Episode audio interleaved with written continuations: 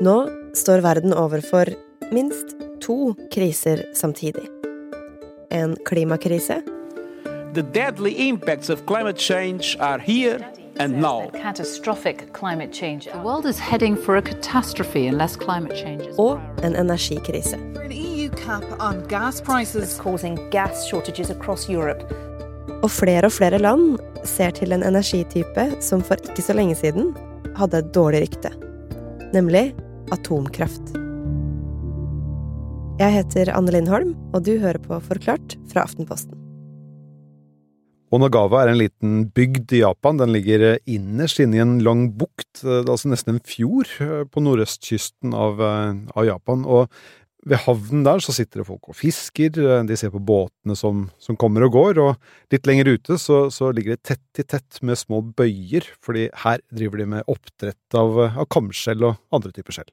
Kristoffer Rønneberg er utenriksjournalist her i Aftenposten, og han har akkurat vært i Onagawa som Asia-korrespondent, men det var ikke på grunn av kamskjelloppdretten. Han var der fordi Onagawa har en helt spesiell historie.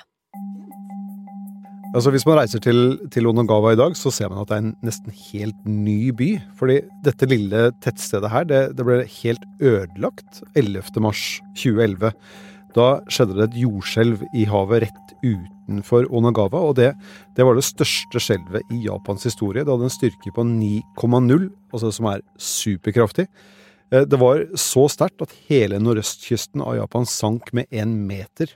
Og, det som var enda verre, det var at dette skjelvet det skapte en tsunami som flommet inn over land. Og noen steder så var den bølgen 40 meter høy, og den beveget seg opptil 700 km i, i timen.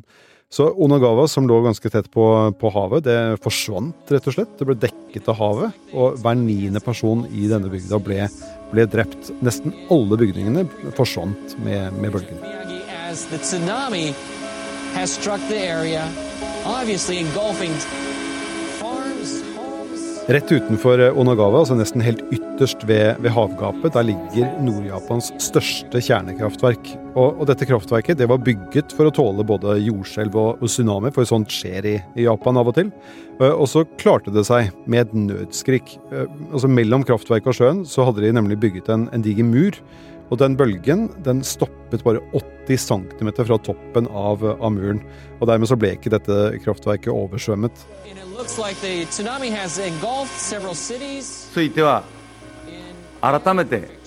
Atomkrisen i Japan er nå klassifisert som en ulykke. Men litt lenger sør der var det ikke like, like heldige. Altså Et kjernekraftverk i, i området Fukushima ble truffet av denne bølgen, Eh, og det førte til en kortslutning i dieselaggregatet, og dermed så ble det ikke mulig å kjøle ned reaktorene i, i anlegget. Så Fukushima-anlegget det begynte rett og slett å smelte ned, og, og noe atomavfall begynte å, å sive ut igjen i, i havet. Og, og, dette ble den største atomulykken i verden siden Tsjernobyl-katastrofen i, i 1986. But first, that explosion at a nuclear plant in the Soviet Union. Tsjernobyl-katastrofen, som skjedde i det som nå er Ukraina, er nok det som har gjort at atomkraft eller kjernekraft høres skummelt ut. One of the atomic reactors at the Chernobyl atomic power plant near the city of Kiev was perhaps the worst accident in the short history of the world's nuclear power industry. Det var frykt for radioaktiv stråling i flere år etterpå, og flere land satte bremsen på kjernekraften sin etter ulykken ved Tsjernobyl.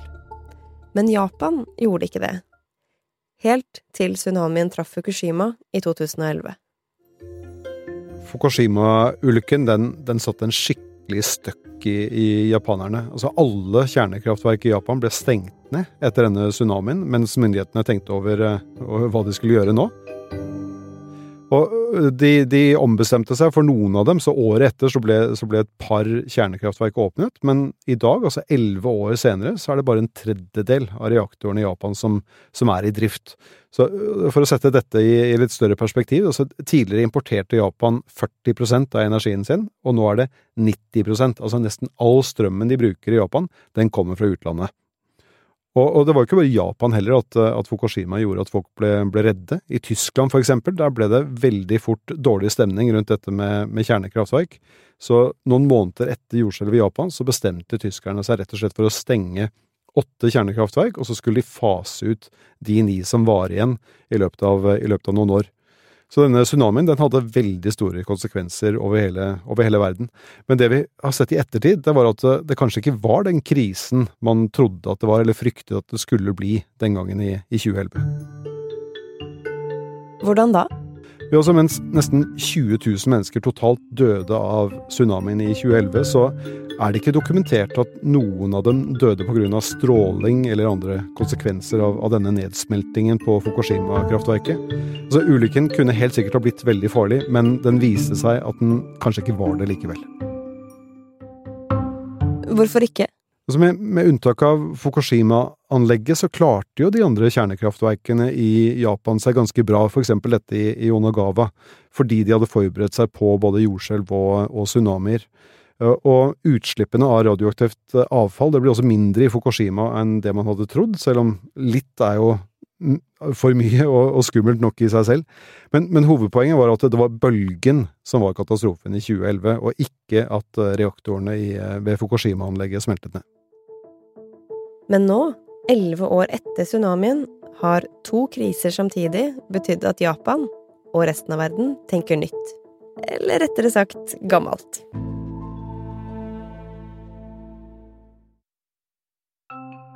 I februar i år så rulla det russiske tanks over grensa til Ukraina.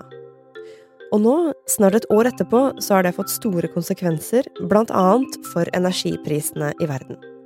For da Russland stengte gassledninger, så skjøt prisene på gass, og dermed strøm, i været.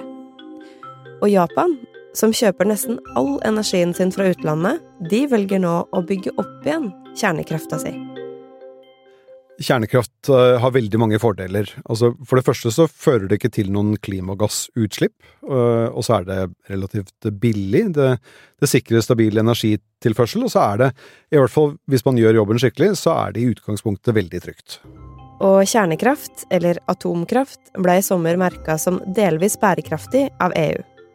Hovedgrunnen deres til å ikke merke det helt bærekraftig er lagring av radioaktivt avfall.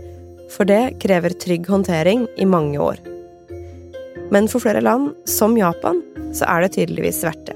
For i august så kunngjorde statsministeren at flere reaktorer nå skal gjenåpne.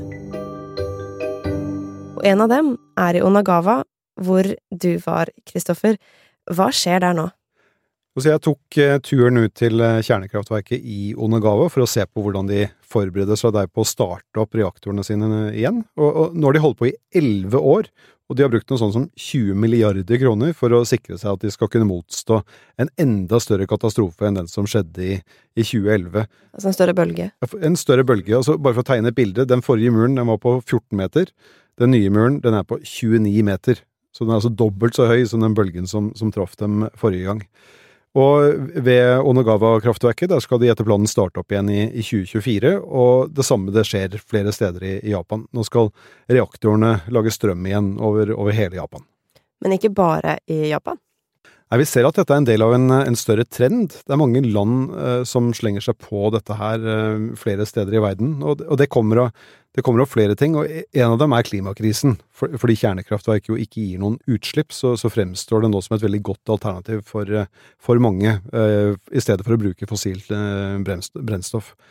Eh, en annen grunn er at uh, disse fossile brennstoffene, olje og gass spesielt, er blitt veldig dyrt. Uh, vi har jo en, en krise i, i, Europa og andre steder, og, og, det gjør at det er mange land som nå ser seg om etter alternative energikilder. Så kort forklart så kan man si at klimakrise pluss energikrise er lik kjernekraft. Men hvilke land er det som bygger ut kjernekraft nå? Oi, det er, det er mange. Eh, Kina de bygger ut i supertempo. Eh, I USA er det stor aktivitet. Og her i Europa så er det også mange som, som holder på nå. Eh, I Belgia f.eks. skal de bygge nye anlegg. Og i Frankrike så har myndighetene snudd og bestemt seg for at de ikke skal stenge ned anleggene de hadde tenkt å stenge ned likevel. Det er bare noen, noen eksempler. Men Så det er mange som har snudd? Det ser veldig sånn ut, ja. Så, det er en kombinasjon av at frykten er mindre og behovet er, er større.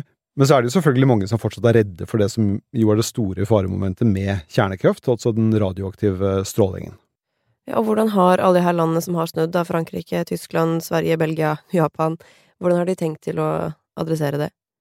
Det er jo kjempestrenge regler for hvordan man skal drive et sånt uh, kjernekraftverk, og, og, teknologien har utviklet seg, det har blitt tryggere.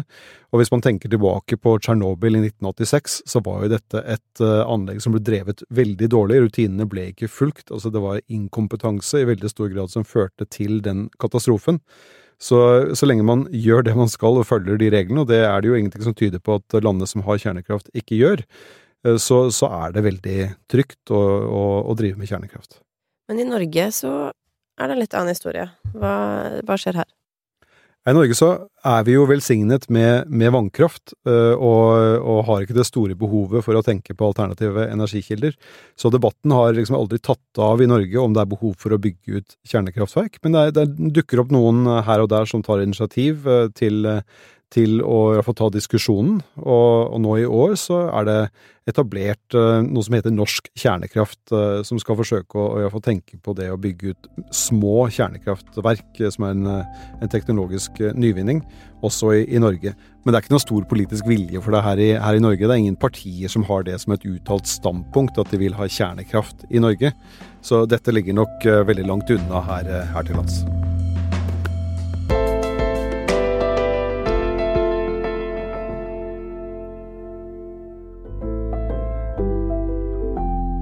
Du har hørt en podkast fra Aftenposten hvor Kristoffer Rønneberg fortalte om kjernekraft.